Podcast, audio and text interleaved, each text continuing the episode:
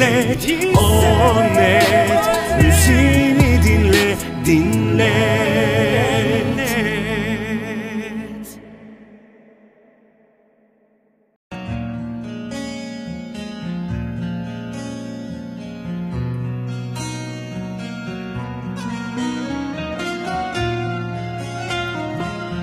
Soğuk bir İzmir gününün daha da soğuk bir akşamından hepinize merhaba sevgili dostlar.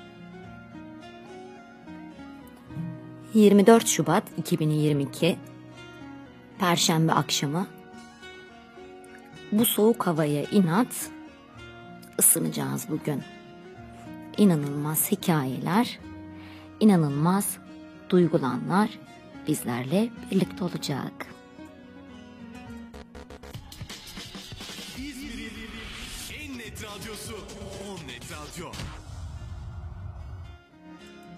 Net Radyo. İzmir'in en net İzmir'in İzmir'in en net radyosu. En net radyosu. Her zaman net, her yerde net. Şimdi on net. On net radyo. İzmir'in en net radyosu. İzmir'in en net radyosu On Net Radyo'dasınız. 532 499 51 35 532 499 51 35 WhatsApp hattımızdan bize ulaşabileceğiniz gibi www.onnetradio.com adresindeki uygulamadan da bize ulaşabilirsiniz. 24 Şubat akşamında kalemden düşenlerdeki aşk yolculuğumuz başlasın o zaman. İzmir'in İzmir'in en net radyosu. En net radyosu. Her zaman net, her yerde net. Şimdi on net. On net radyo. İzmir'in en net radyosu.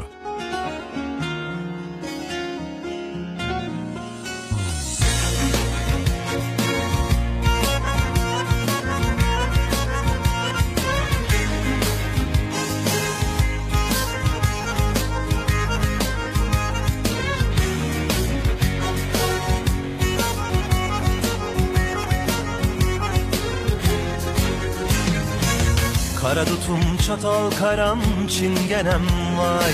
Nar tanem nur tanem bir tanem vay. Kara tutum çatal karam çingenem vay. Nar tanem nur tanem bir tanem vay. Ağacı sen dalımsın salkım saçar Peteki sen balımsın oğlum.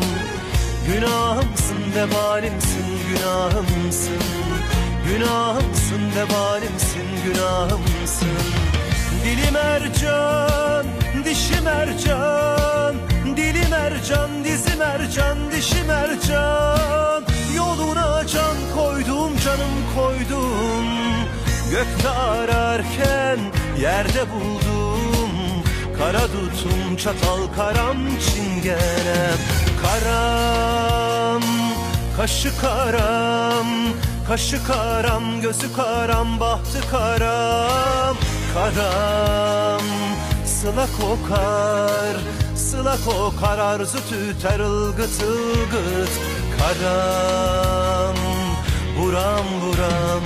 Karam, kaşı karam Kaşı karam, gözü karam, bahtı karam.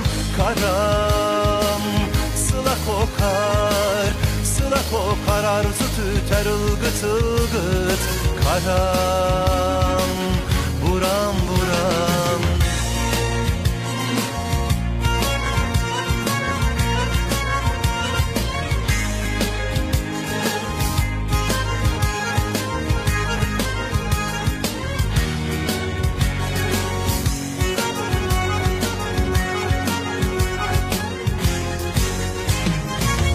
Daha nem olacaktın bir tanem?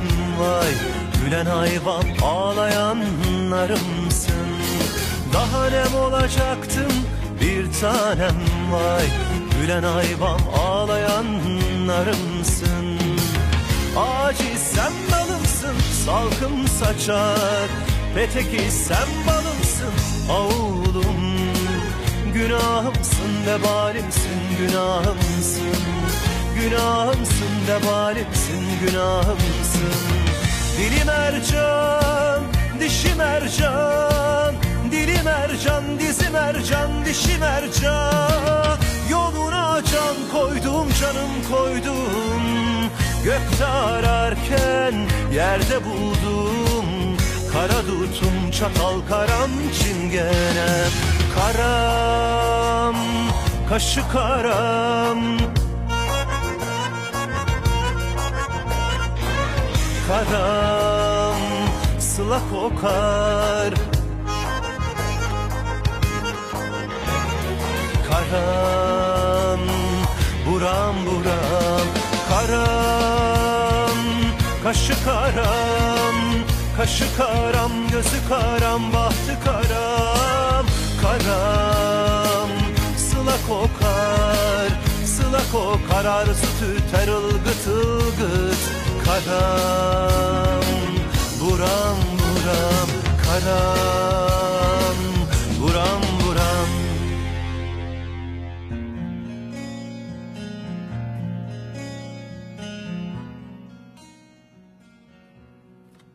Türk Edebiyatı'nın önemli isimlerinden biri.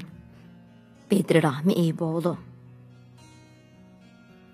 Karadut isimli şiirinin altında derin bir hikaye yatıyor aslında. Burada sevdiği kadın olan aşkını anlatıyor. 1940'lı yıllar, bu yılların ortaları gibi bu içerisinde kalbine sığmayan o büyük aşk tüm edebiyat çevrelerince bilinir oluyor artık. Özellikle bu şiirle herkes tarafından aşikar hale geliyor. Birçok kişi tarafından konuşuluyor.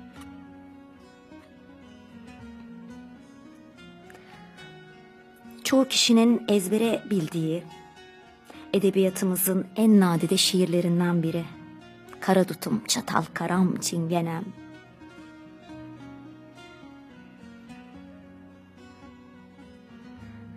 Aslında bu Karadut'un Karadut diye hitap edilen kişinin aşk ve tutku ile örülü hüzün dolu hikayesi. Dedim ya 1940'lı yıllar savaş yılları, İkinci Dünya Savaşı, yokluk yılları, kıtlık. Ama bir taraftan da aşk derman dinlemiyor.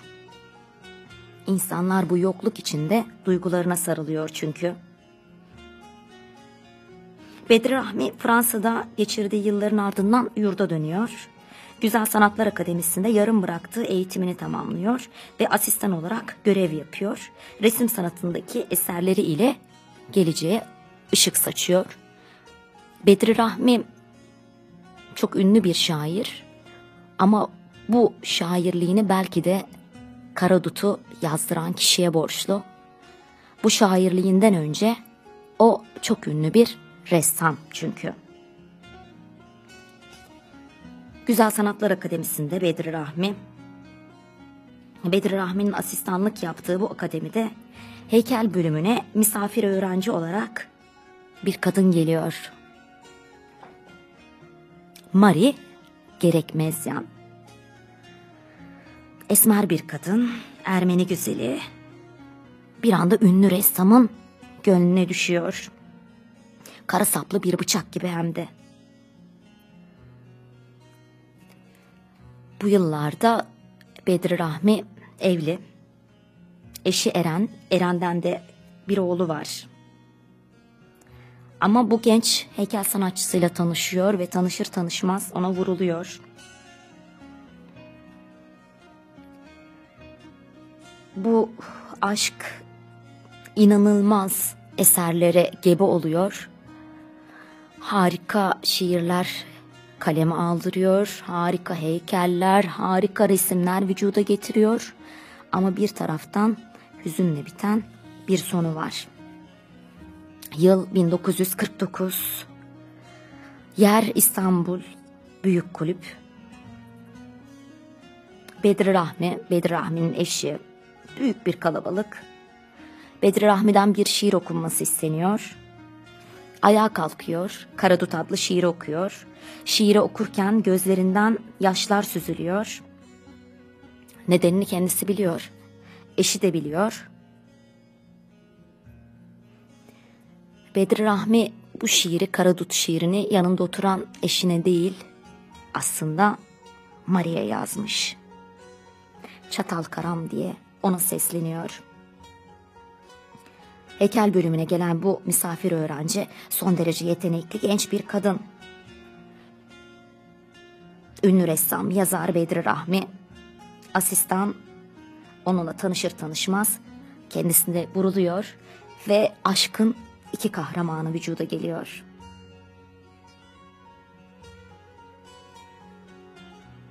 Ama Maria öylesiye aşık. Edebiyatımızın önemli bir ismi İlhan Berk, e, arkadaşı Bedri'nin Maria duyduğu aşkı şöyle anlatıyor. Resimler Bedri Rahmi'nin Maria anlatmasına yetmemişti. Onun için sıraya girmiştir şiir, o yüz için. Yani Bedri Rahmi'nin Mari yüzünden, Mari sebebiyle şair olduğunu söylüyor. Sigara paketlerine resmini çizdiğini, körpe fidanlara adını yazdığını söylüyor.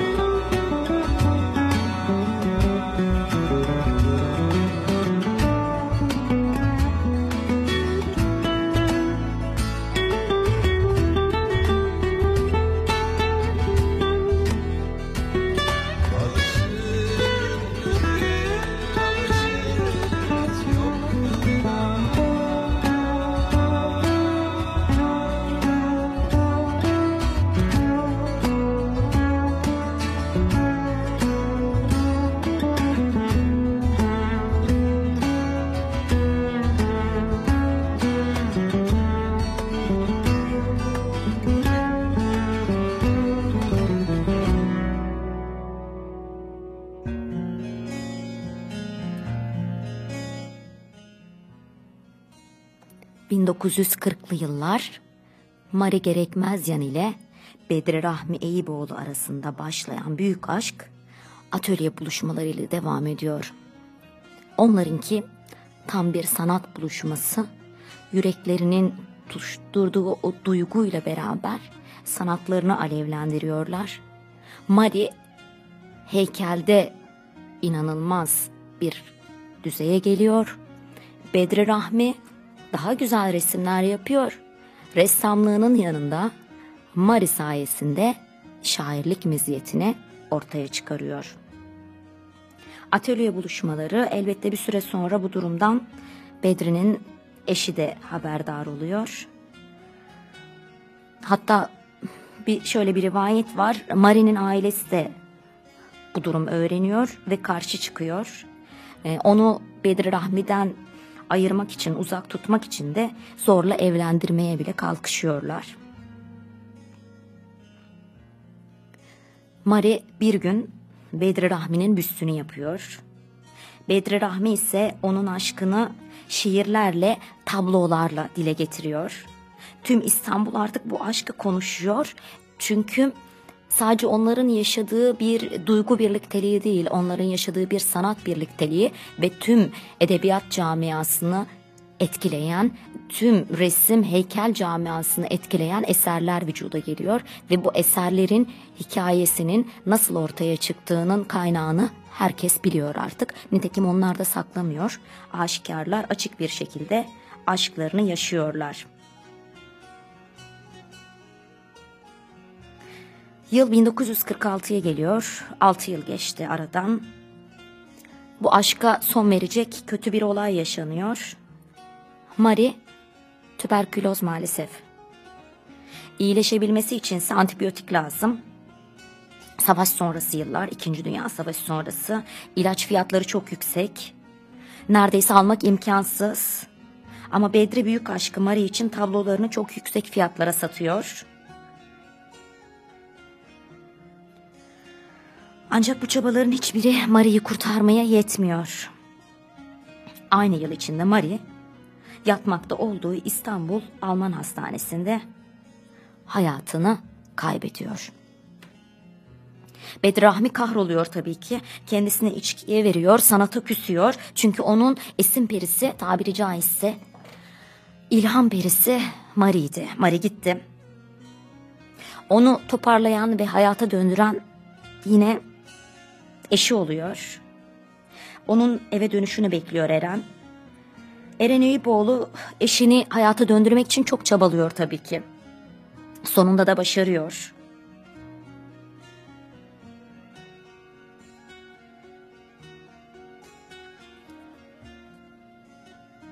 Biraz önce bahsetmiştim. İstanbul'da büyük kulüpte Yıl 1946 Bedri Rahmi bir şiir okuyordu. Çevresindeki insanların istemesi üzerine. Bu da kara tuttu. Bu şiir okunduktan sonra Eren Hanım anlıyor ki Mari gideli 3 yıl olmuş, ölmüş ama hala unutamamış Bedri Rahmi onu. Gözyaşlarına boğuluyor ve bunun üzerine Eren Hanım anlıyor. Ona bir mektup yazıyor Paris'ten çünkü artık yanında duramaz. Paris'e gidiyor ve Paris'ten şu mektubu gönderiyor. Canuşkam, kulüpte bir gece şiir okumuştun hani hatırlatın mı? Gözlerinden birden yaşlar döküldüğünü görünce içimin karardığını hissetmiştim. Sesin nasıl titremişti? Hey, bütün bunları hatırlıyor musun? Sanki böğrüme kızgın bir ütü yapışmış gibi olmuştum. O gece, o gece senin seneler sonra bile olsa yanıp tutuştuğunu anlamıştım. Bedri'nin ruhuna insanüstü bir gücün acıyıp ona güç vermesi için dua etmiştim. Ruhunun çektiği acıları Allah dindirsin. Allah sana resim yapma sevinci versin ve bizim yanımızda yaşamaktan mutluluk duyabilmeni sağlasın. Altına da Eren yazıp imzalamıştı. Ve sonunda Eren Hanım'ın duaları kabul oldu. Bedri Rahmi o zaman 11 yaşına basan oğlu ve eşi Eren'in yanına döndü. 1974 yılına kadar da hayata gözlerini yumana dek hep birlikte mutlu, mesut yaşadılar.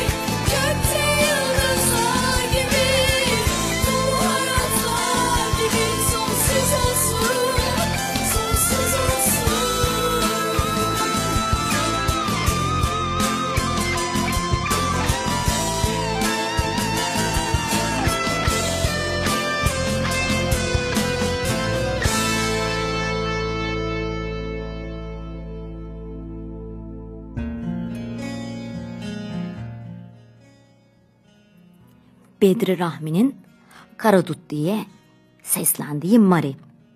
Dillere destan bir aşk. Mari'nin Bedri Rahmi için yaptığı büst.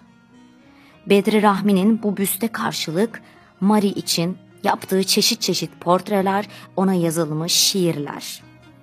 Mari, Bedri Rahmi'nin tam bir isim perisi. Bedri Rahmi'nin sanatında önemli izler bırakan Karadut tabloları, Mari'nin portresi ve daha sonra at üstünde aşıklar tablosu, kanatlı attaki sevdalılar. Bedri Rahmi'nin en kıymetli eserlerinden birisi. Mozaik desenli bu yağlı boya tabloda kırat şahlanmış gibi. Atın üzerinde iki çıplak aşık oturuyor. Kızı kaçıran erkeğin elinde bir bağlama var. Kızın saçları rüzgarda savruluyor. Bu düssel tabloda sevdalısıyla kendini gökyüzünde kanat açan iki atlı olarak resmetmiş. Onunla uzaklara kaçma düşüncesini tuvale aktarmış. Resimler yetmiyor tabii ki. Şiirler, durmadan şiirler. Artık gizlemiyorlardı aşklarını. Susadım. Üç tane elma soydular, üç tane portakal. Nafile. Bir bardak suyun yerini tutmadı, acıktım. Kuş sütü, kuru üzüm getirdiler. Nafile. Bir çimdik somunun yerini tutmadı. Seni düşündüm sevgilim şükrederek. Su gibi aziz olasın her daim. Ekmek gibi mübarek. Daha sonra ortaya yazışmalar, mektuplar, notlar da çıkıyor atölyede. 10 Eylül 1945'te o tarihin atıldığı notlar bulunuyor. İşte yine atölyedeyim. İşte yine Çebiş'ten hiçbir haber yok. Bunu Bedri Rahmi söylüyor. Çebiş dediği Mari. Çebiş ne peki? Orta Anadolu'da keçi yavrularına verilen isim. Bunu da Bedri Rahmi o dönemin hükümeti tarafından bir ara Anadolu'ya Çorum'a gönderiliyor. Oradaki yaşananları resmetmesi, görmesi için e, oradan kalan bir çebiş ve çok fazla çebiş kelimesini kullandığını ona seslendiğini göreceğiz. Sonra Mari, canım Bedir. O da Bedir Rahmi demiyor, Bedir diyor. Anlamıyorum ne diye cevap vermiyorsun. Vapurun kalkıncaya kadar bekledim sonra atölyeye dönüp sana uzun bir mektup yazmış ve o günküyle postaya atmıştım. Daha sonra perşembe günü senin onlarla beraber döneceğine o kadar inanmıştım ki tek. Geç vakitlere kadar hep seni bekledim. Cumartesi. Neyleyim diye bir telgraf çektim. Hala susuyorsun canım Bedir. Nen var? Yoksa hasta mısın? Hemen yaz ve eğer kabilse üç gün için buraya gel de yaz geçmeden çebişler birbirlerini bir daha görsünler. Mari de alışmış, hoşuna gidiyor belki ona keçi yavrusu denmesi. O da Bedri Rahmi'ye çebiş diyor. Gel gör, senin çebiş tam bir çingene kızı oldu. Fazla yazamayacağım, fena halde asabım bozuk. Ben zaten kötü kötü şeyler düşünürken bir de üstelik. Seven kayıp ediyor, Halikarnas da burada. Üç gün için bir şey icat et, olur mu Karacam? Geleceğin günü telle de iskeleye. Geleyim. Seni iskelede bekleme arzuma kötü hatıralar karışmış olmasına rağmen içimde bir yerde öyle canlı ve tertemiz duruyor ki bunu olsun çebişinden esirgeme. Zavallı çebiş vapur kalkıncaya kadar ürpere ürpere orada demir parmaklığın arkasında bekledi, bekledi, hala bekliyor. Çebişe, kendisine o da Çebişe adını takmış. Yahya Kemal'in büstü seni bekliyor. Burgaz'da seni bekliyor. Her şey seni bekliyor. El yazısı ve notlar uzuyor da uzuyor, devam ediyor. Bedri Rahmi sanatının üst safhasında Esin Perisi'nin yarattırdıklarıyla mucizeler ortaya çıkarıyor. Mükemmel tablolar, mükemmel şiirler ama Mare de çok yetenekli bir kadın. O da üst üste harika heykeller vücuda getiriyor. Devam ediyorlar. Sizi tatlı uykularınızdan uyandırmak istemedim. Çok çok teşekkürler. Allah'a ısmarladık. Mari. Çay içmeden gidiyorum zannetmeyin sakın. Güner bana fevkalade bir çay hazırladı.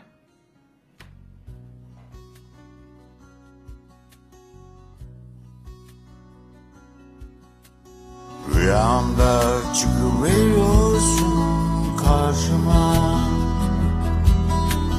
Kandırıyorsun beni bu besbelli.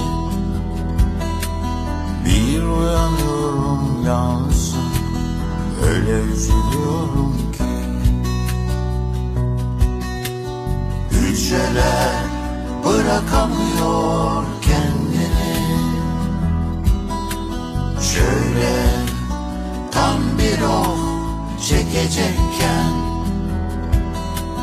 Ayrılık güzel eğer hemen döneceksen Ayrılık güzel eğer hemen döneceksen.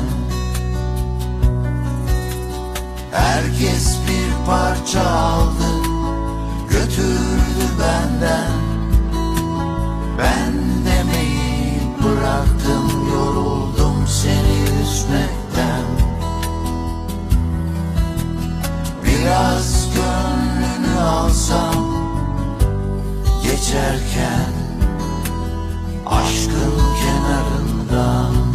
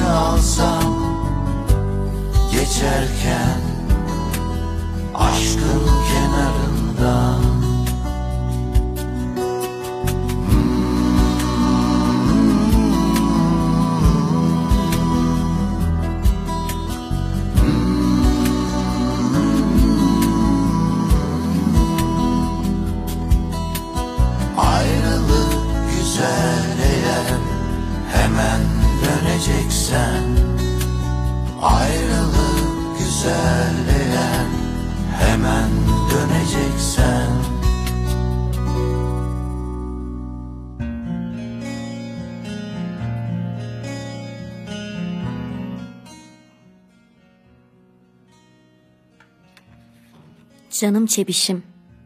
Bunu bu sefer Mari söylüyor. Bedri Rahmi'den o Anadolu'yu resmetmesi için gittiği Çorum günlerinden bizim Mari'ye kalmış. Canım çebişim, belki eski günleri hatırlarsın da sokağın başında beni beklersin diye deli gibi arkandan yokuştan aşağı koştum fakat kayıp olmuştun. Saatlerce silüetini aradım nafile. Her gölge beni aldatıyordu. Benim canım çebişim, canım çebişim, canım çebişim, çebiş. Hemen seni özlemeye başladım bile. Susadım. Susadım diyerek üç tane elma soydular, üç tane portakal diye başlayan şiirine atıfta bulunuyor. Ne verirlerse versin diyordu ya Bedri Rahmi. Doyamadım. Seni düşündüm sevgilim şükrederek. Su gibi aziz olasın her daim ekmek gibi mübarek. Bir kadın için söylenebilecek en aziz cümleler herhalde. Seni deli gibi seviyorum. 27 Mayıs 1945'te yazıyor bunları Marie. Trendeyim. Daha bilmiyorum nereye ve niçin gidiyorum. Aptallar gibi etrafıma bakınıyor. Ne yapacağımı düşünemiyorum. Biliyor musun hayvanları boğazlamak için bir yere götürürler. Türkçesini bilmiyorum ama Ermenice ıskartaroz denir. Ah hatırladım. Mezba değil mi? Oraya sürüklenen hayvanların gözlerinde nemli nemli bir mana var. İşte aynada oraya giden bir çebiş gözleri gördüm. Hani nar çiçekleri? Hani benim Bedir'im? Her gölgeyi sana benzettim. Her sesi senin sandım. Gözlerim istasyon yollarında dondu kaldı. Özledim. Niçin gidiyorum muhakkak yazacağım. Şayet Yozgat'tan yollayamazsam kendim getiririm. Etrafımda senin gözlerinden başka bir şey görmüyorum. Tünellerde, yaylalarda, vadelerde, dağlarda hep onlar trenle yarışıyor. Tıpkı karanlıkla boy ölçüşen ateş böcekleri gibi cıvıl cıvıl. Çebişim. Şimdi Hasanoğlan'dan geçiyoruz. Eserini görmek için pencereye koştum. Canım Bedir, seni deli gibi seviyorum. Hazin son. Yıl 1946. Bizim Mari'nin hastalığı ortaya çıkıyor. Bedre çırpınıyor. Tüm resimlerini satıyor. Ama kaçınılmaz son Mari'yi kaybediyoruz. Sonra da şunları yazıyor. Önde zeytin ağaçları, arkasında yar. Sene 1946. Mevsim sonbahar. Önde zeytin ağaçları, neyleyim? Dalları neyleyim? Yar yoluna dökülmedik dilleri neyleyim? Yar, yar, seni kara saplı bıçak gibi sineme sapladılar. Değirmen misali döner başım. Sevda değil bu, bir hışım. Gel gör beni darmadan. Tel tel çözülüp kalmışım. Yar, yar, canımın çekirdeğinde diken, gözümün bebeğinde sitem var.''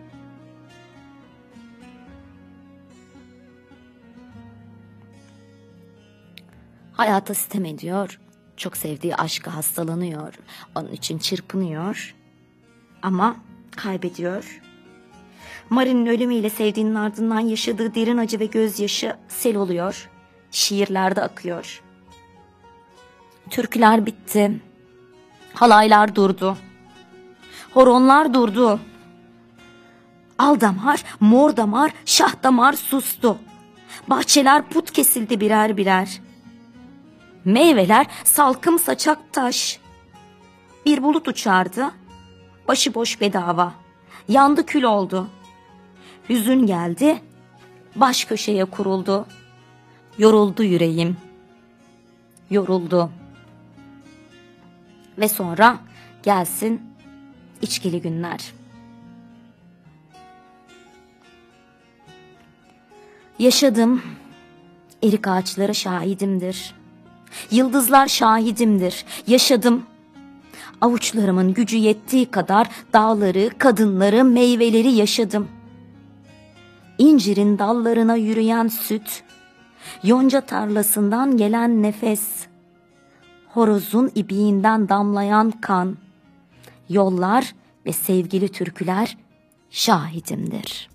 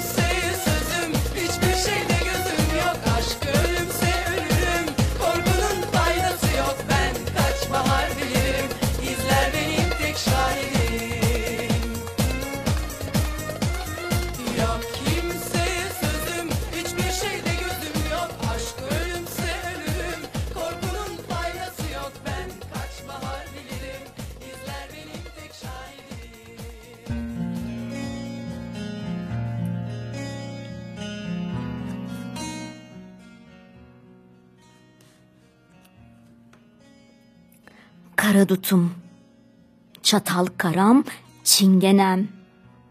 Nar tanem, nur tanem, bir tanem. Ağaç isem, dalımsın salkım saçak. Petek isem, balımsın, a gülüm. Günahımsın, vebalimsin. Dili mercan, dizi mercan, dişi mercan. Yoluna bir can koyduğum, gökte ararken yerde bulduğum kara dutum, çatal karam çingenem. Daha nem olacaktın bir tanem, gülen ayvam, ağlayan narımsın. Kadınım, kısrağım, karımsın.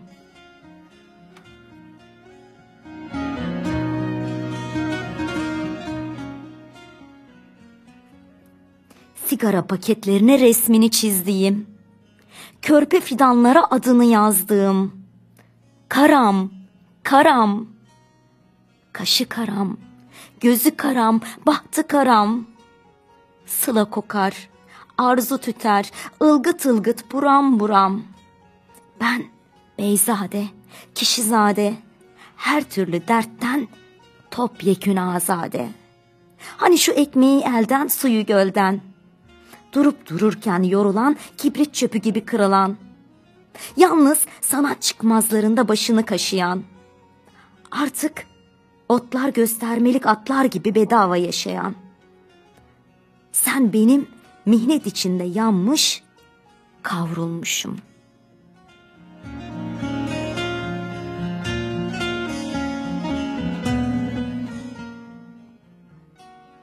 Ne etmiş, neylemiş, ne olmuşum. Cömert ırmaklar gibi gürül gürül. Bahtın karışmış bahtıma çok şükür. Yunmuş, yıkanmış adam olmuşum. Karam, karam, kaşı karam, gözü karam, bahtı karam. Sensiz bana canım dünya haram olsun.''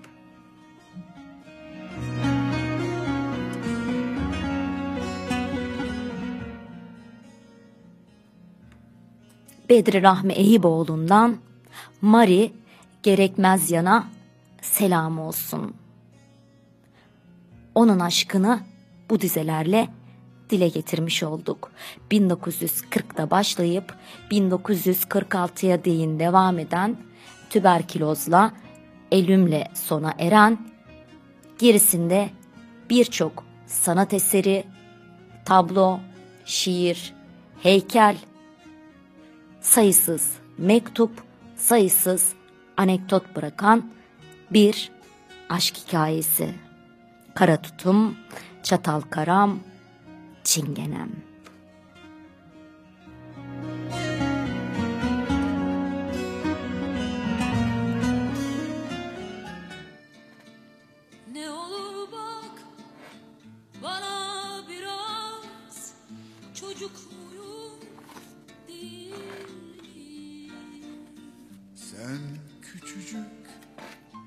Güzel bebek. Öyle olsa sevmeyi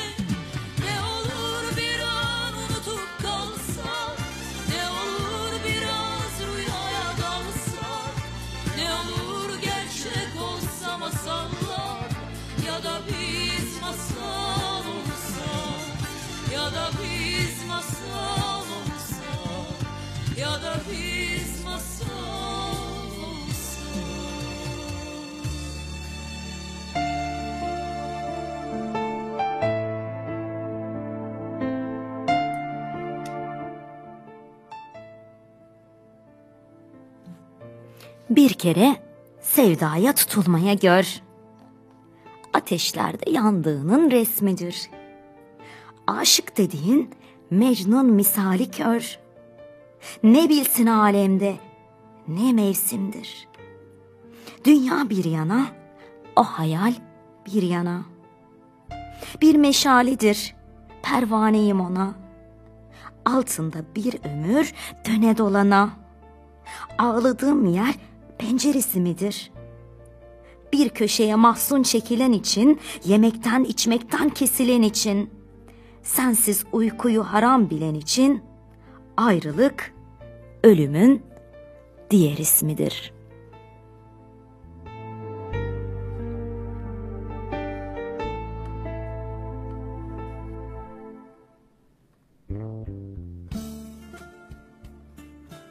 Cahit Sıtkı sevgililerinden en çok sevdiği, unutamadığı için yazıyor bu şiiri. Kara Sevda.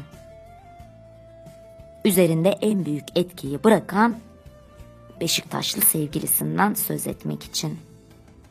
Diyor ki şimdiye kadar bir iki kere sevdim. Bundan sonra da Mecnuncasına, Ferhatçasına sevebilirim. Fakat şimdiye kadarki sevgililerimden ancak birisi belki aşkıma kısmen mukabele etmiş olduğu için hala hayal dünyamda hüküm sürmektedir.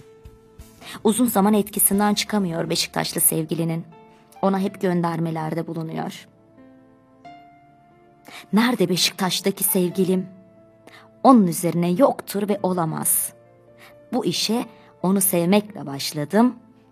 Onu sevmekle bitireceğim diyor. Sadece kara sevdayı değil, hayal ettiğim şey sevdalı şiirlerini de ona ithaf ediyor ama ithaf ettiği kişinin bundan haberi yok. Biz çok sonraları öğreneceğiz bunu.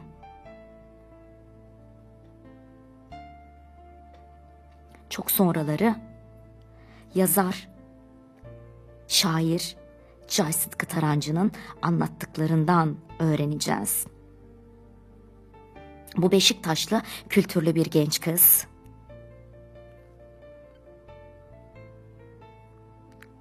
Onu çok seviyor Cahit Sıtkı Tarancı. Ama ona bir türlü açılamıyor. Belki de açılamama nedeni abisiyle arkadaş olması.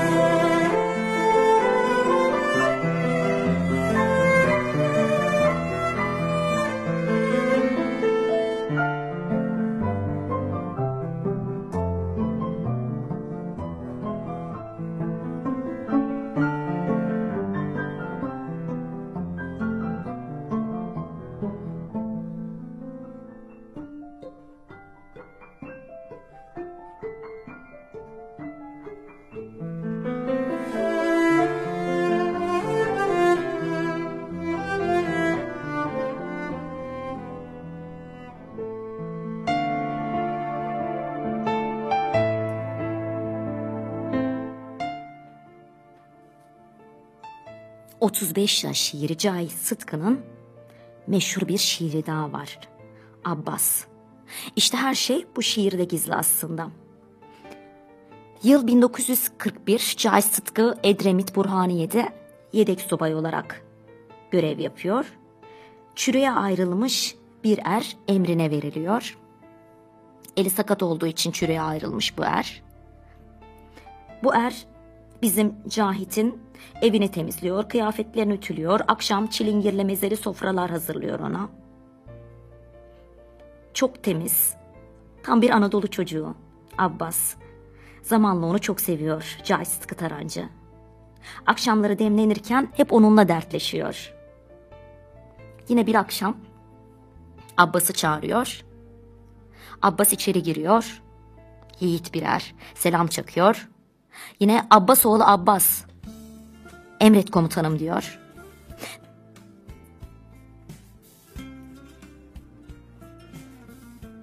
İstanbul'u bilir misin diye soruyor. O da diyor, bilirim komutan. Orada bir Beşiktaş var bilir misin? Bilirim komutan. Ben orada acemi birlikteydim. Orada bir sevgilim var. Onu bana kaçırıp getirir misin? Elbet komutan. O an bu konuşmalar olup bitiyor. Sabah oluyor. Cahit Sıtkı bakıyor Abbas yeni asker kıyafetlerini giymiş tıraş olmuş soruyor. Hayırdır Abbas neden böyle hazırlık yaptın? Ben İstanbul'a gideceğim komutan. Ne yapacaksın orada? Sen söyledin.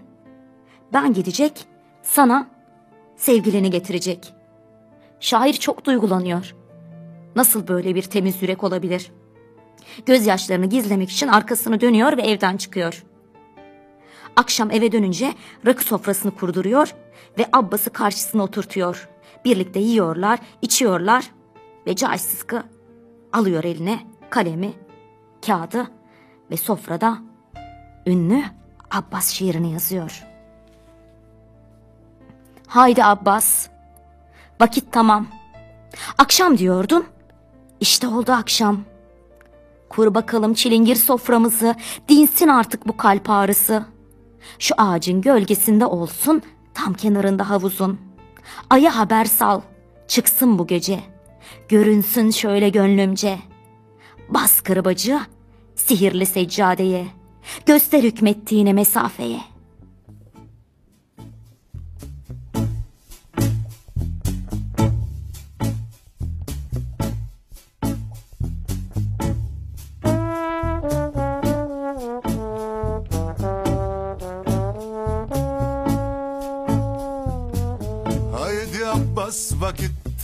Tamam Akşam diyordun. İşte oldu akşam işte oldu akşam.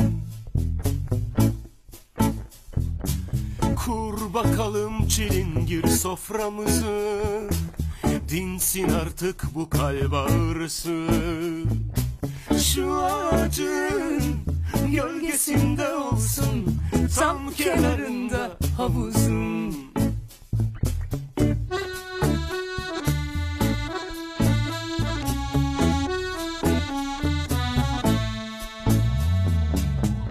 Aya haber sal Haber sal çıksın bu gece. Görünsün haber sal Şöyle gönlümce.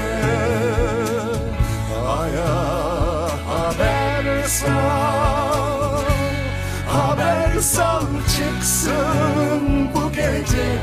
Görünsün şöyle Şöyle gönlümce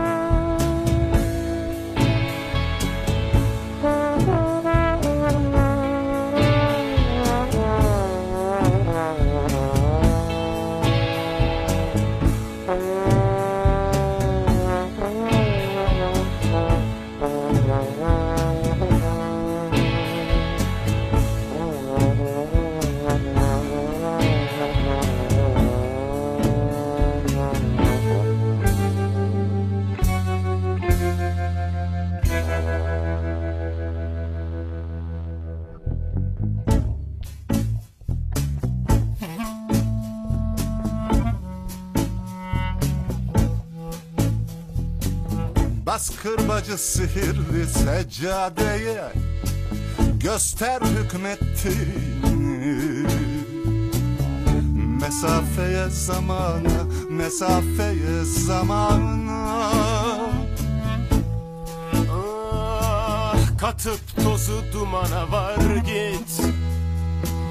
Böyle ferman etti cahit. Şu ağacın Tam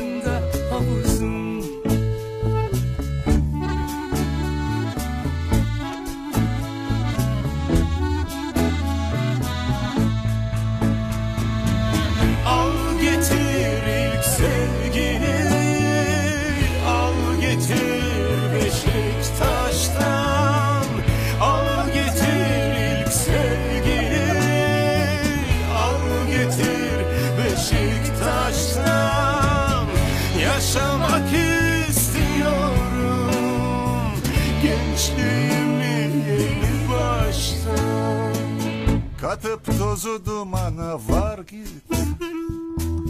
Böyle ferman etti cahit. Şu ağacın gölgesinde olsun Tam kenarında havuzun.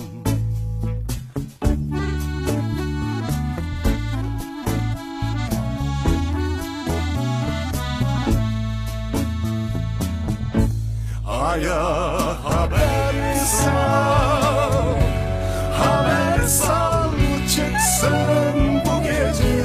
Görünsün haber sal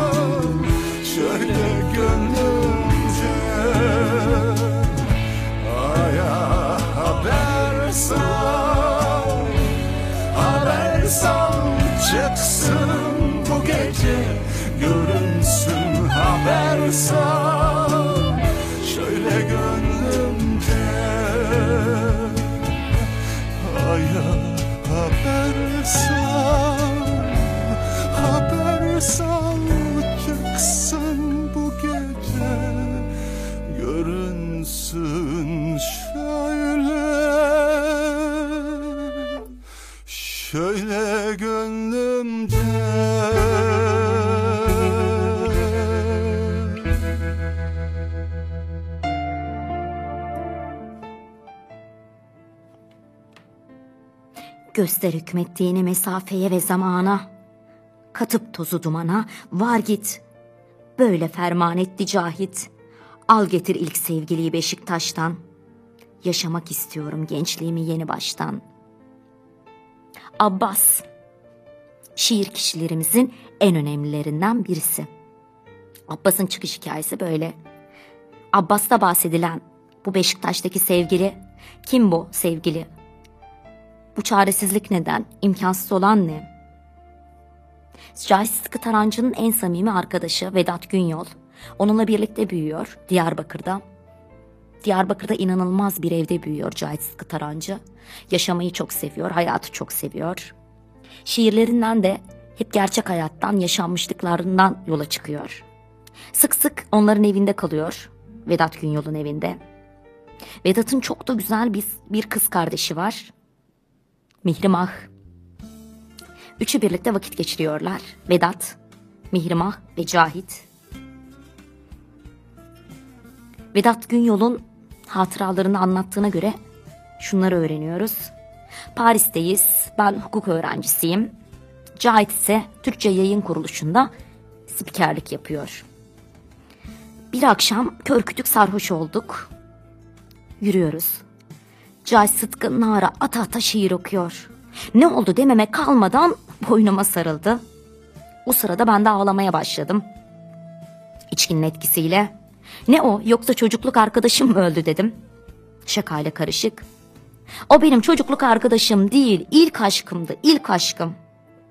Ben, ben senin kardeşine aşıktım. O yüzden evinizden dışarı hiç çıkmıyordum. İlk ve son kez itiraf oluyor bu. İnanamıyor Vedat Günyol. Nasıl demesine kalmadan apar topar toparlıyor kendini. Bizim Cahit tam bir Diyarbakırlı gibi aşkını hiç belli etmediği için böyle bir gururluyor. O Diyarbakır gururunu görüyor Vedat Günyol onun üzerinde. Elinde kalan tek şey sanki bu. Çünkü Mihrimah çoktan bir doktorla evlenmiş. O süre içerisinde de ne Mihrimah anlamış ne de Vedat Günyol kuşkulanmış. Bu kez kızma sırası tüm bunlardan sonra Vedat Günyol'a geçiyor. Düştüğü yerden kalkıyor içkinin etkisiyle, Cahit'in söyledikleriyle. Yakasından tutuyor onu. Niye söylemedin bana ulan diye yumruklamaya başlıyor ve hıçkıra hıçkıra ağlamaya başlıyorlar.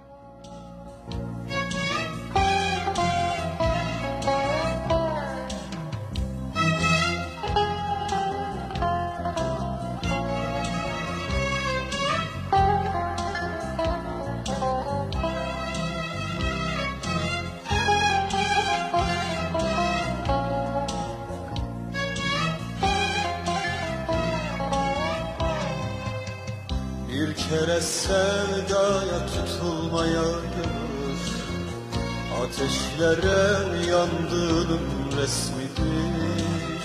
Aşık dediğin Mecnun misali kör. Ne bilsin alemden ememsinidir Bir kere sevdaya tutulmaya gönül Ateşlere yandığının resmidir Aşık dediğin Mecnun misali kör. Ne bilsin alemden ememsinidir Dünya bir yana, hayal bir yana. Bir meşaledir pervaneyim ona. Dünya bir yana, dünya bir yana. Bir meşaledir pervaneyim ona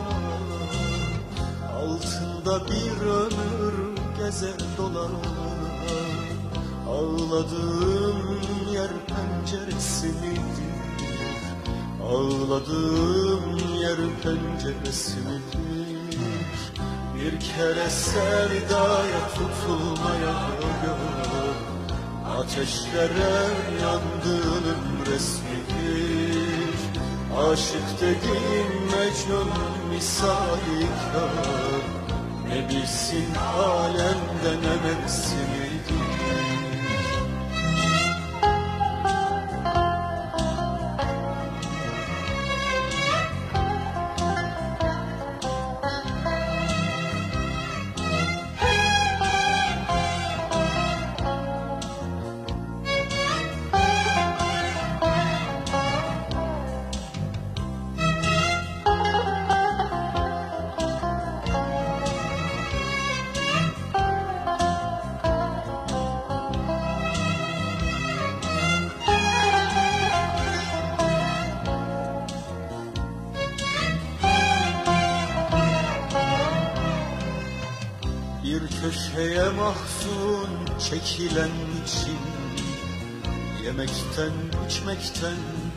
kesilen için Sensiz uykuyu haram bilen için Ayrılık ölümün diğer ismidir Bir köşeye mahzun çekilen için Yemekten içmekten kesilen için Sensiz uykuyu haram bilen için Ayrılık ölümün diğer ismidir Dünya bir yana, hayal bir yana.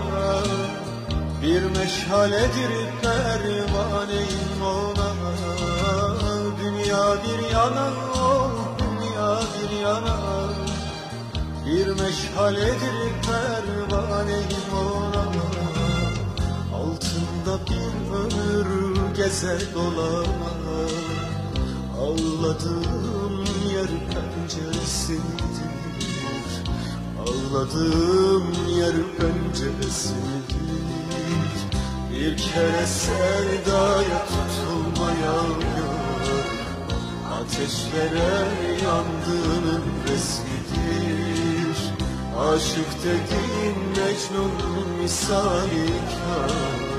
Ne bilsin alemde ne mevsimidir Bir kere sevdaya tutulmaya Ateşlere yandığın resmidir Aşık dediğin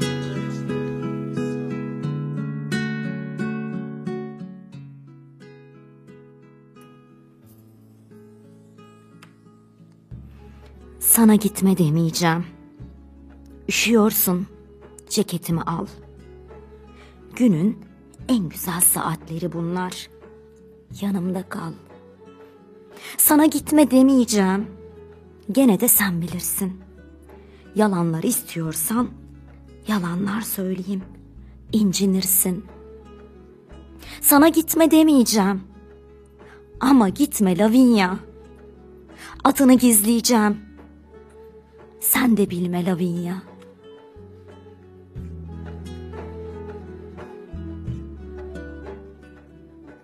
Lavinia, muhteşem güzellikte zarif bir çiçek. Diğer bir deyişle ölüm çiçeği. Hayalimdeki muhteşem sevgili anlamına da geliyor. Özdemir Asaf'ı da çeken bu olsa gerek. Edebiyata baktığımızda Lavinia, Shakespeare'in Titus adlı oyununda Roma İmparatorluğu'nun başkomutanı Titus'un güzelliği dillere destan kızının da adı. Onun da kaderi zarif güzelliğiyle ölmek. Lavinia Tamara'nın iki oğlu tarafından tecavüze uğradığında Lavinia babası tarafından öldürülüyor. Özdemir Asaf Lavinia'yı okul yıllarında aşık olduğu bir kız için yazıyor.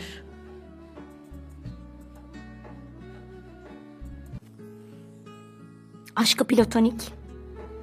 Lavinia Asaf'ın karşılıksız aşkını anlatıyor aslında. Asaf daha sonra şiirini bir yarışmaya gönderiyor ve yarışmada birinciliğe layık görülüyor. Nihayetinde yaşayan bir aşk şiiri olarak bellekleri kazanıyor.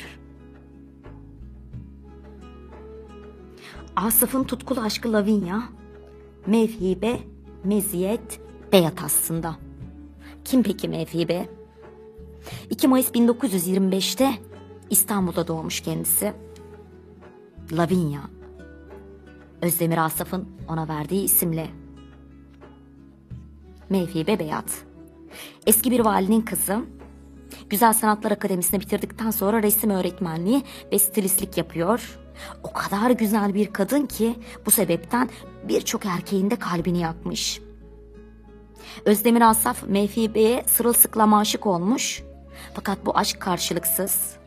Çünkü Lavinia Özdemir Asaf'a değil, ünlü ressam ve hocası Edip Hakkı Köseoğlu'na aşık. Mevhibe Hanım'ın hayatında ikinci aşık olduğu erkekse gazeteci İlhan Selçuk. Fakat İlhan Selçuk o yıllarda hızlı bir hayat sürdüğünden doğru bir aday olmuyor Mevhibe için. Bunun üzerine bizim ünlü Lavinia'mız yani Mevhibe Beyat Öztürk Serengil ile evleniyor. Evet yanlış duymadınız. Seren Serengil'in babası Öztürk Serengil. Fakat bu evlilik de uzun sürmüyor. Mevhibe'nin yakın arkadaşı bize çok sonra neler neler anlatıyor.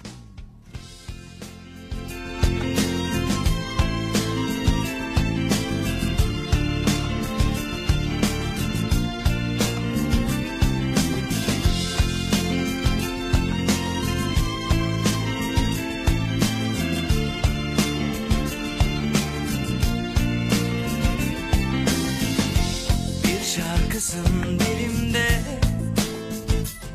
Bozuk plak gibiyim bütün gün. Aklım fikrim hep sende. Nasıl bir duygu ki bu? Ne zaman seni düşünsem Koşmak geliyor içimden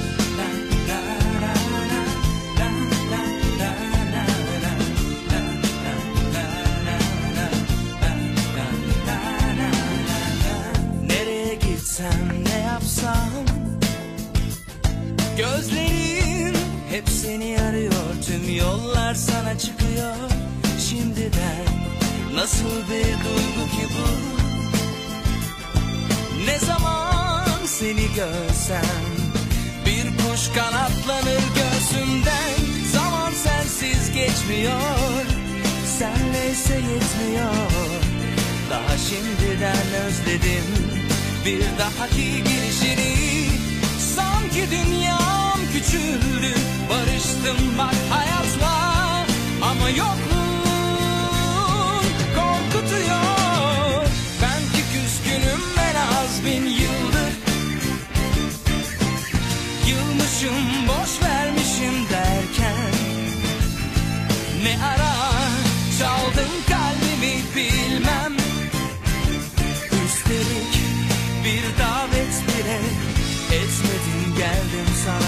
gözlerin her şeyi anlatıyor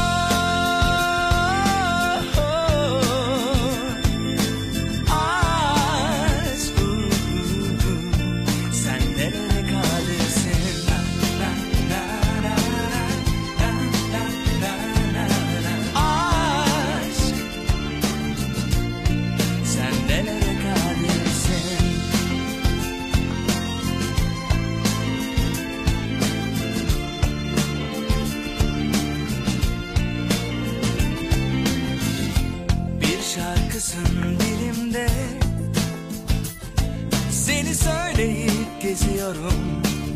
Sonra şaşıyorum kendime. Nasıl bir duygu ki bu?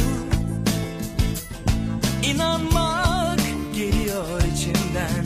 Kalbim bir şansı hak ediyor. Zaman sensiz geçmiyor. Senle ise yetmiyor. Daha şimdiden özledim. Bir dahaki gelişini Sanki dünyam küçüldü. Barıştım bak hayatla Ama yokluğun korkutuyor. Ben ki küskünüm en az bin yıldır. Yılmışım boş vermişim derken. Ne ara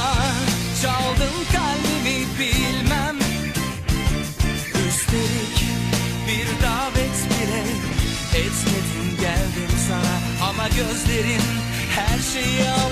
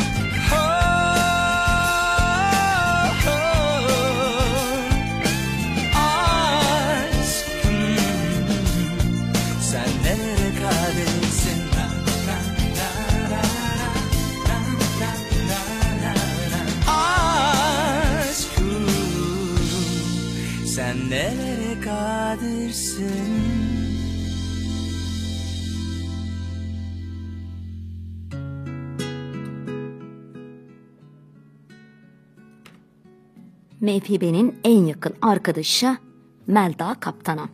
Onun için şunları söylüyor. Öylesine özel ve farklı bir kadındı ki kitap yazsanız yetmez. Soruluyor aynı zamanda Melda Hanım'a niçin bütün erkekler aşık oluyordu Mevhibe Beyat'a?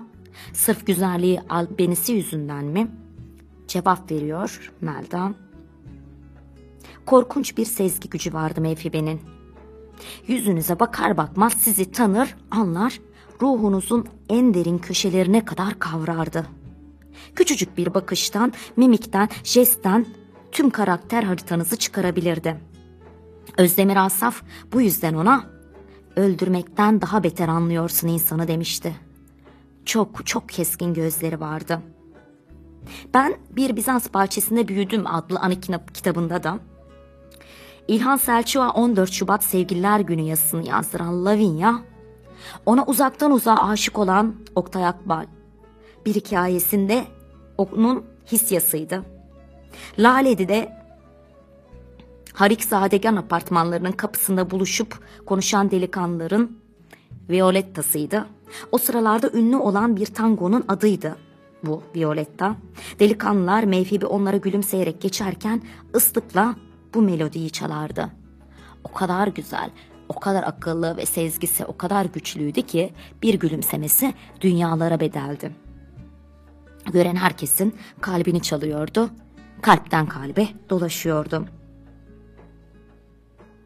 Mevhibi Beyat Güzel Sanatlar Akademisi'nde okurken mimar arkadaşları da ona Gilda diye sesleniyorlardı.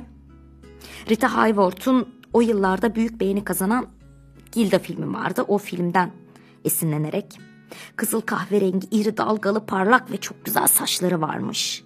Mevhibe'nin. Adalet Jones da hatta kendisini Marilyn Monroe'ya benzetiyor. E, Marilyn diye çağırıyor kendisini. Ama Mevhibe güzelliğini hiç önemsemiyor. İnsan sıcaklığı, insanlara anlayarak yaklaşması, sezgisi güzelliğinin çok çok daha üstünde. Birçok kişinin kalbini çalıyor ama o bunların farkında bile değil. Bu ünlü Lavinia dilden dile dolaşan, bu şiirin hiçbir zaman kendisine yazıldığından da haberi olmuyor Mevhibe'nin. Ama bütün aşıkların yüreğinde çok büyük yer ediniyor bu şiir. Ve sonsuza dek adı gizlenen Lavinyalara adanıyor. Mevhibe Meziyat Beyat'a ve Özdemir Asaf'a sonsuz sevgi ve selamla. Feridun Düzağaç'tan gelsin. Lavinya.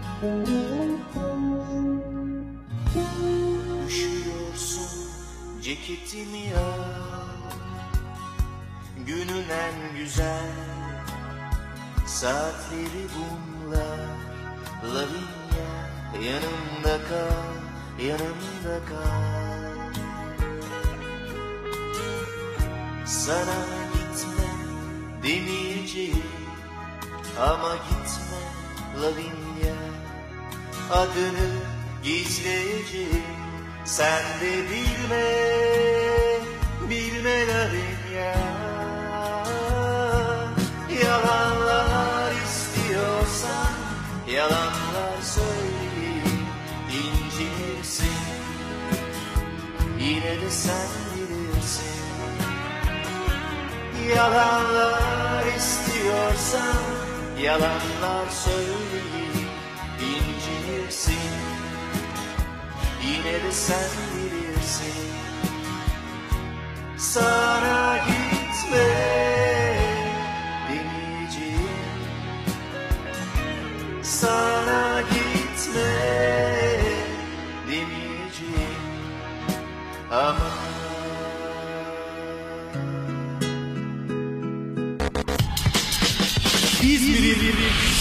en net radyosu On Net Radyo.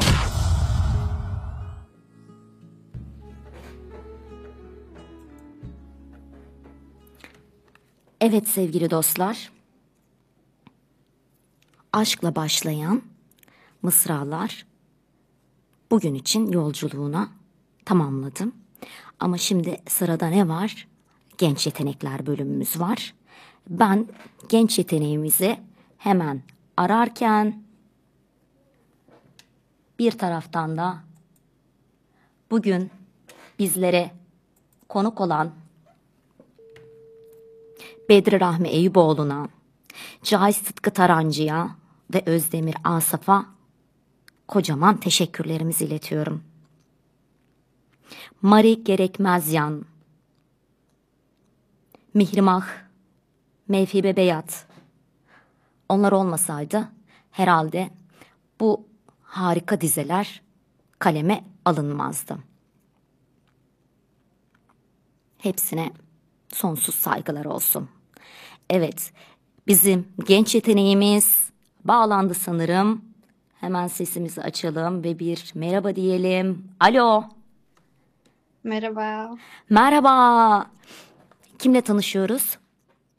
Ee, İpek ben. İpek. İzmir Atatürk Lisesi'nde 11. sınıf öğrencisiyim. Soyadını da alalım İpek'cim. Küçük Özyiğit. İpek Küçük Özyiğit bizlerle birlikte. İpek'cim kendini nasıl tanıtırsın bize senin cümlelerinle? Sen kimsin? Yani şu anda hayatımdaki temel amaçla kendimi tanıtmam gerekirse kim olduğumu biraz anlamaya çalışıyorum diyebilirim ve edindiğim bu yoldaki bilgiler ışığında daha sakin bir yaşam geçirebilmek amacım. Herhalde senin yaşındaki birisi çok büyük hırslardan bahseder diye düşünüyorum. O yüzden senin benimle paylaştığın yazılarını okuduğumda da senin bu ruh halini ve bu yaştaki edindiğin o olgunluğu anlayabildim sanırım. E, o yüzden sevgili dinleyiciler fark ediyorsunuzdur. E, genelde düşünün bir lise öğrencisi, 11. sınıf öğrencisi neden bahseder? İşte şu şu şu şu hayallerim var. Şunları şunları gerçekleştireceğim. Ben buyum der. E, ama İpek diyor ki kendimi tanımaya çalışıyorum. E, sakin, dingin, e, olgunlaşmış bir hayat sürmek hedefim diyor. İpek bizle bugün hangi metnini paylaşacaksın? Çok merak ediyorum. Önce metnini mi paylaşmak istersin yoksa metnin hikayesini mi anlatmak istersin bize? Senin istediğin şekilde ilerliyorum istiyorum. Ee, sanırım önce biraz hikayesinden bahsetsem daha iyi olabilir. Daha Evet. iyi anlaşılır diye düşünüyorum. Tamam. Şimdi bu paylaşacağım metnin aslında genel hikayesi içimde çok uzun süre boyunca böyle biraz insanlardan sakındığım böyle kasvetli duygularım diyebilirim. Yani böyle biraz hani yağmur yağmadan önce bulutların o suları tutması her an yağmur yağdıracakmış gibi griliği falan benim için bu metin. Ve yani bir noktada insanlar bu tarz durumlara düştüklerinde o kadar içlerine işliyor ki bu olumsuz düşünceler. Sanki onlarsız olduklarında kendileri de olamazmış gibi hissedebiliyorlar.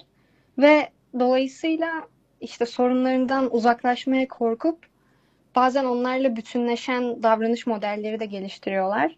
Bu noktada da aynı zamanda kendi mutluluklarını sabote ettiklerini söyleyebilirim ve bu metin de sanırım biraz o kaçıştan bahsediyor. Peki sonrasında yağmur yağıyor mu en azından? Çünkü sen bunu yazdıysan sen de bu duyguları hissetmişsindir. Hani hep gri bulutlar toplanıyor dedin ya. O gri bulutlar toplandı ve kaldı mı orada yoksa yağmur yağdı mı? O yağmurun o mis gibi toprak kokusunun geldiğini yağmur sonrasını duyduk mu? Yani henüz yağmadı gibi ama sanki bulutlar biraz daha beklese gün yağabilir gibi onu bekliyorum ben de. Evet bir umut var yani. Heyecanlıyım. Metnin türü ne? Ne okuyacaksın bize? Deneme mi, anı mı, mektup mu, şiir mi? Yani daha çok böyle bilinç akışıyla ilerleyen bir şey diyebilirim. Tamam. Heyecanla. Seni dinlemeye hazırız. Seyir, dinleyicilerimiz de arkalarına yaslandılar diye düşünüyorum. Evet İpek Küçükgöz Yiğit'ten bekliyoruz. Başlayalım o zaman. Bazı şeyleri sindirmek çok zor oluyor. Böcekler bırakıyor içime. Dolanıp duruyor, ağızlarına gelen her yeri ısırıyorlar. Kalkıp gidiyorum olduğum yerden. Yukarılara, belki de aşağılara. Kim diyorum, bağırıyorum. Kim yapıyor bunları? Neden çok şanslı ve şanssız kıldı beni? Bekliyorum, belki diğerlerine çaktırmadan kulağıma fısıldar diye. Umut işte. İnsanlarla ilgili en iyi ve en kötü şey. Boşa çıkıyor tabii ki. Gelen giden yok. Sorum cevapsız kaldı. Geri yukarı çıkıyorum ya da aşağı iniyorum. Hangisi ise artık. E diyorum. Ne olacak şimdi? Bu soru kendime. Hiçbir şey olmamış gibi devam mı edelim? Bu sefer cevap için beklememe gerek kalmıyor. Ne yapacağız ki başka? Evet demek bu. Evet, aynen öyle devam edeceğiz. E böcekler ne olacak diye sorarak ilerliyorum boşlukta. Benliğim yine çok bekletmiyor beni. Cevap veriyor. Onlar bir kere girdi içeri diyor. Orada kalacaklar. Nasıl yani? Kemiriyorlar beni. Nasıl burada kalacaklar? İnat ediyorum. Burada kalamazlar diyorum. Başlıyorum elimle onları yakalamaya. Birkaçını tutuyorum da. Fırlatıyorum sağ tarafa ya da sola. Fark etmez zaten. Gitsinler yeter. Ferahlıyorum biraz. Az da olsa diniyor içimdeki kaşıntı. Yenilerini yakalamak istiyorum ama bir terslik var. Elimi uzattığım yerde hiçbir şey yok. Nasıl yani diye soruyorum dehşet içinde. Nereye gittim ben? Böcekler nerede? Elime boşluktan başka bir şey değmiyor. Cevap yine gecikmiyor. Böceklere bulaşmayacaktın. Orada kalmaları gerekiyordu. Senin böceklerin de onlar. Böceklisin sen. Böceksiz sen olamazsın. Bak ne oldu şimdi? Sözlerin devamını duyamıyorum. İpek böyle Kafka tadını aldım. Beyinde dolaşan düşünceleri hissettim. O böceğin böyle yavaş yavaş yürüyüşünü, insanın içine işleyişini hissettim. Sen niye özellikle böceği seçtin? Yani biraz böcekleri aslında şeye benzetiyorum. Çok böyle fark etmiyoruz biraz ilk mesela geldiğinde yanımıza. Ancak böyle biraz ısırmaya başlaması gerekiyor. Ve belirli bir noktaya kadar belki tolere de edebiliyoruz ama eğer onları uzaklaştırmazsak başta daha çok çoğalıp daha büyük sıkıntılar açıyorlar başımıza. Ve bu tarz bahsettiğim bu işte karamsarlık, böyle kasvetli duygular da bence bu yönüyle böceklere benziyor. O zaman sen aslında böcekler üzerinden giderek yani önce gerçekten yola çıktın. Çünkü gerçekten böceklerin de böyle bir huyları var. Ama insanın içerisindeki o duygular aslında yaşanmışlıklar, sıkıntılar, karamsarlıklar aynı böcekler gibi yavaş yavaş e, insanı derinden derine kemiriyor. O bu şekilde düşündün diyebilir miyiz? Evet, aynen o şekilde. Bilinç akışını harika bir şekilde uygulamışsın. O, o beyinden geçen düşünceler, o çarpıcılık, e, cümlelerin kuruluşu, fikirler arasındaki geçişler e, tam basamak basamak olmuş. E, böyle o karamsarlık bizim içimize işledi. Zaten bir de şöyle bir şey var. Niye umut yok bunlarda diyeceğim. Belki sen de bana hemen cevap vereceksin. Umutlu olsam niye yazayım zaten? çıkar e, yağmurlu bir havada dolaşırım veya güneşli gökyüzünü seyrederim, eğlenirim. E, kalem kağıtla e, içimi boşaltmama gerek yok zaten diye cevap vereceksin gibi geliyor bana. O yüzden evet. o yüzden hep karamsarken yazılıyor değil mi bir şeyler? Evet zaten mesela şey Çalı Kuşu'nda da çok sevdiğim bir alıntı var bununla ilgili işte Mesut Günler'in yazılacak nesi olur ki diye. Hı hı. O yüzden gibi bence özellikle böyle daha çok sanatla ilgili şeyler üretmeyi seven insanlarda biraz bu işte melankoliye bağlılık, ona sarılma tarzı bir e, eğilim olabiliyor. Peki İpek e, çevrelerine anlatamamak mı? Yani bunu anlayacaklarını düşünmemeleri ya da anlasalar bile yeterince e, o kişinin yanında olmayacağını düşündüklerinden mi? Çünkü kalem kağıt dilsiz ama inanılmaz dost, sırdaş. Sen ne yazarsan yaz senin yanında. E, asla senin sırrını kimseye söylemez. İstediğini yazabilirsin, çizebilirsin, karalayabilirsin. O yüzden mi kaleme kağıda sarılmak insanlar için? Yani bence biraz kalemle kağıtla aslında hani benim kişisel olarak amaçladığım şey böyle bir duygumu hani oraya aktarıp da rahatlamaktan ziyade biraz duygularıma anlam vermekten geçiyor. Bu yüzden insanlarla anlatmakla aynı şeyi görmüyorum ya da anlatma amacıyla yazmıyorum. Yani biraz duygularımın şekil alması, onları tanımam amaçlı yazıyorum. Bu bağlamda insanlarla olan paylaşımlarımı pek kağıtla olan paylaşımımla karşılaştırabileceğimi söyleyemem sanırım. O yüzden dertleşmek için değil galiba senin söylediğin. Daha ziyade Evet. kendi duygularının somutlaşması için. Çünkü hani duygular için hep soyuttur deriz. Ama sen onları kaleme kağıda döktüğünde e, bir kisveye büründürdüğünde karşında sanki canlıymış gibi duruyor. Mesela burada o kasveti böceklerle aktardın bize. Doğru mu? Senin için bu şekilde mi? Evet, aynen böyle. Ağzına sağlık, yüreğine sağlık, kalemine sağlık. Annene, babana, ailene sağlık. Çünkü bu şekilde bir e, yazı konumuna gelebilmek için bunun altyapısında e, iyi bir okuma düzeyinin olması gerekiyor. İyi bir yaşanmışlığın ve kendini tanımışlığın olması gerekiyor. E, Ki sen çok e, işler yapıyorsun biliyorum. Onlardan da ufak böyle bahsetmeni isteyeceğim. Ama ona rağmen hala diyorsun ki kendimi tanımaya çalışıyorum, kendimi bulmaya çalışıyorum. Ben e, biraz İpek senin böyle çevre için, çevrendekiler için yaptıklarından en azından yapmaya çalıştıklarından bahsetmeni istiyorum. E, Hem bu şekilde akranlarına ve e, akranlarının ebeveynlerine seslenmiş olalım diye düşünüyorum. Yani e, genç nesil neler yapıyor onlar da bir duysun istiyorum. Tamam. Ben şu anda okulumuzda amacı özel gereksinimli bireylere yardım etmek olan Best Buddies projesinin koordinasyon ekibindeyim. Ayrıyeten işte okul tanıtımı, müzecilik gibi kulüplerde de görev alıyorum. Onun dışında yani sanırım yaşıtlarıma ve ailelerine ya da genel olarak insanlara önerebileceğim şey neyi neden yaptıklarını düşünmeleri olabilir. Çünkü kendimizi tanıyıp işte aksiyonlarımızın sebeplerini ya da altında yatan duyguları bulup zararlıları belki mürt- mümkün mertebe törpülediğimiz zaman dünya hem bireylerin kendileri için hem de genel toplum için daha keyifli bir yere dönüşebilir diye düşünüyorum. O zaman sebepsiz hiçbir şey yok. Mutlaka bir sebepten yola çıkarak bir şeyler yapılmalı ve adım atılmalı diyorsun galiba. Evet, aynen öyle. Peki İpek şu Best Buddies projesi dedin ama dinleyicilerimiz nedir bu bence bilmiyorlar. Bir ufacık tanıtmak ister misin? Nedir, ne yapıyorsunuz bu projede? Şimdi özel gereksinimli bireyler e, aslında çeşitli sendromlarla doğan bireyler olabilir. Mesela Down sendromlar ya da otizmliler bu gruba dahil oluyor. Projenin aslında asıl amacı onları biraz daha topluma karıştırmak diyebilirim. E, iki türlü Kazandırmak değil, karıştırmak. Evet. Güzel. Yani hep bir aradayız. Ee, kelimelerin çok ho- hoşuma gitti. Yani özenle seçilmiş böyle. Evet. Teşekkür ederim. Ee, bu projeye iki türlü katılabiliyoruz aslında. Birincisi normal gönüllü olarak katılabiliyoruz. Burada toplu yapılan etkinlikler var bu bireylerle beraber. İşte mesela sinema izleniyor ya da Mart, balo, Mart balosu var. Bunlara katılınabiliyor. Böylece onları biraz daha hani sosyalleşmeye davet etmiş oluyoruz.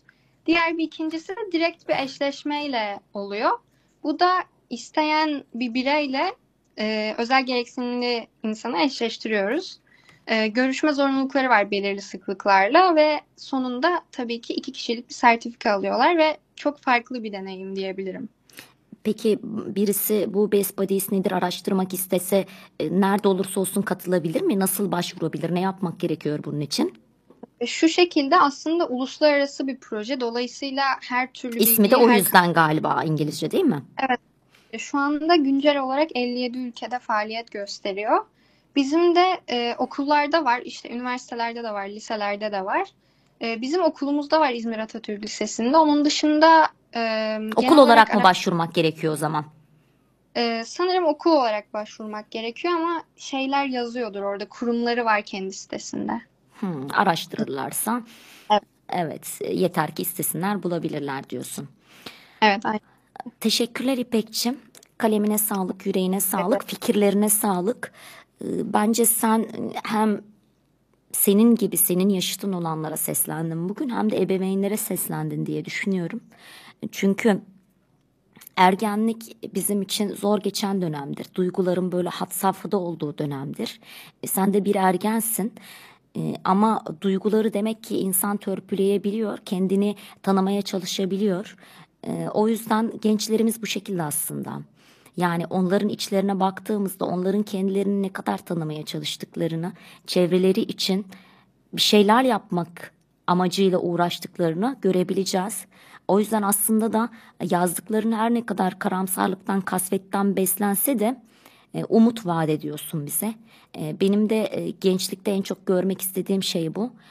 Çünkü yani bundan 10 yıl, 20 yıl sonra sizler olacaksınız ve sizler onun hemen akabinde bu sefer biz ebeveynlikten feragat edeceğiz. Siz ebeveyn olacaksınız ve sizin yetiştirdiğiniz çocuklar çok daha güzel, kaliteli olacak diye düşünüyorum. Harikasın. Son cümlelerini almak isterim. Sonra seni uğurlamak ve bugünkü kalemden düşenleri kapatmak isterim. Ee, teşekkür ederim. Öncelikle düşünceleriniz benim için çok önemli. Ee, ben dediğim gibi son diyeceğim şey insanların kendilerini tanımak üzerine bir efor sarf etmeleri olabilir. Buna teşvik etmek isterim insanları diyebileceğim sanırım en önemli şey bu. İpek burada hemen son dedim ama e, cümle cümleyi açıyor, soru soruyu getiriyor. İnsanlar kendilerini tanımalı derken herkes her şeyi yapmalı, e, her yeteneğe sahip olmalı mı? Yoksa olumsuz da olsa onun farkına varıp o şekilde olumlu yönlerini bulup ona mı yönelmeli? Yani sen bir genç olarak ne düşünüyorsun? Yani tabii ki her insanın hani her şeyi yapması, kusursuz yapması özellikle mümkün değil. Bu durumda tanımaktan kastım zaten kendimizin kötü taraflarını da kucaklayarak o kötü tarafları daha sağlıklı bir şekilde hayatımızda hani bir yer edinmesini sağlayabilmek. Yani kötü taraflarımızı da kabullenirsek başkalarına zarar verecek şeyler olsa bile bunlar e, bu verebileceği zararları en aza indiririz diye düşünüyorum. Bu yüzden insanların olumsuz yönleriyle kendilerini tanıması ve kabullenmesi benim aslında kendilerini tanımaya çalışsınlardan kastım. Tam bir sağaltım diyorsun yani. Evet. Ağzına sağlık, yüreğine sağlık sevgili İpek. İpekler çoğalsın diyorum. Yazsınlar diyorum, düşünsünler diyorum, sorgulasınlar diyorum ve senin cümlelerinle kapatıyorum. Kendini tanısınlar. Ailene de kucak dolusu sevgiler, selamlar olsun. Seni yetiştirdikleri için onlara da kocaman bir teşekkür gelsin. Görüşmek üzere İpekçim.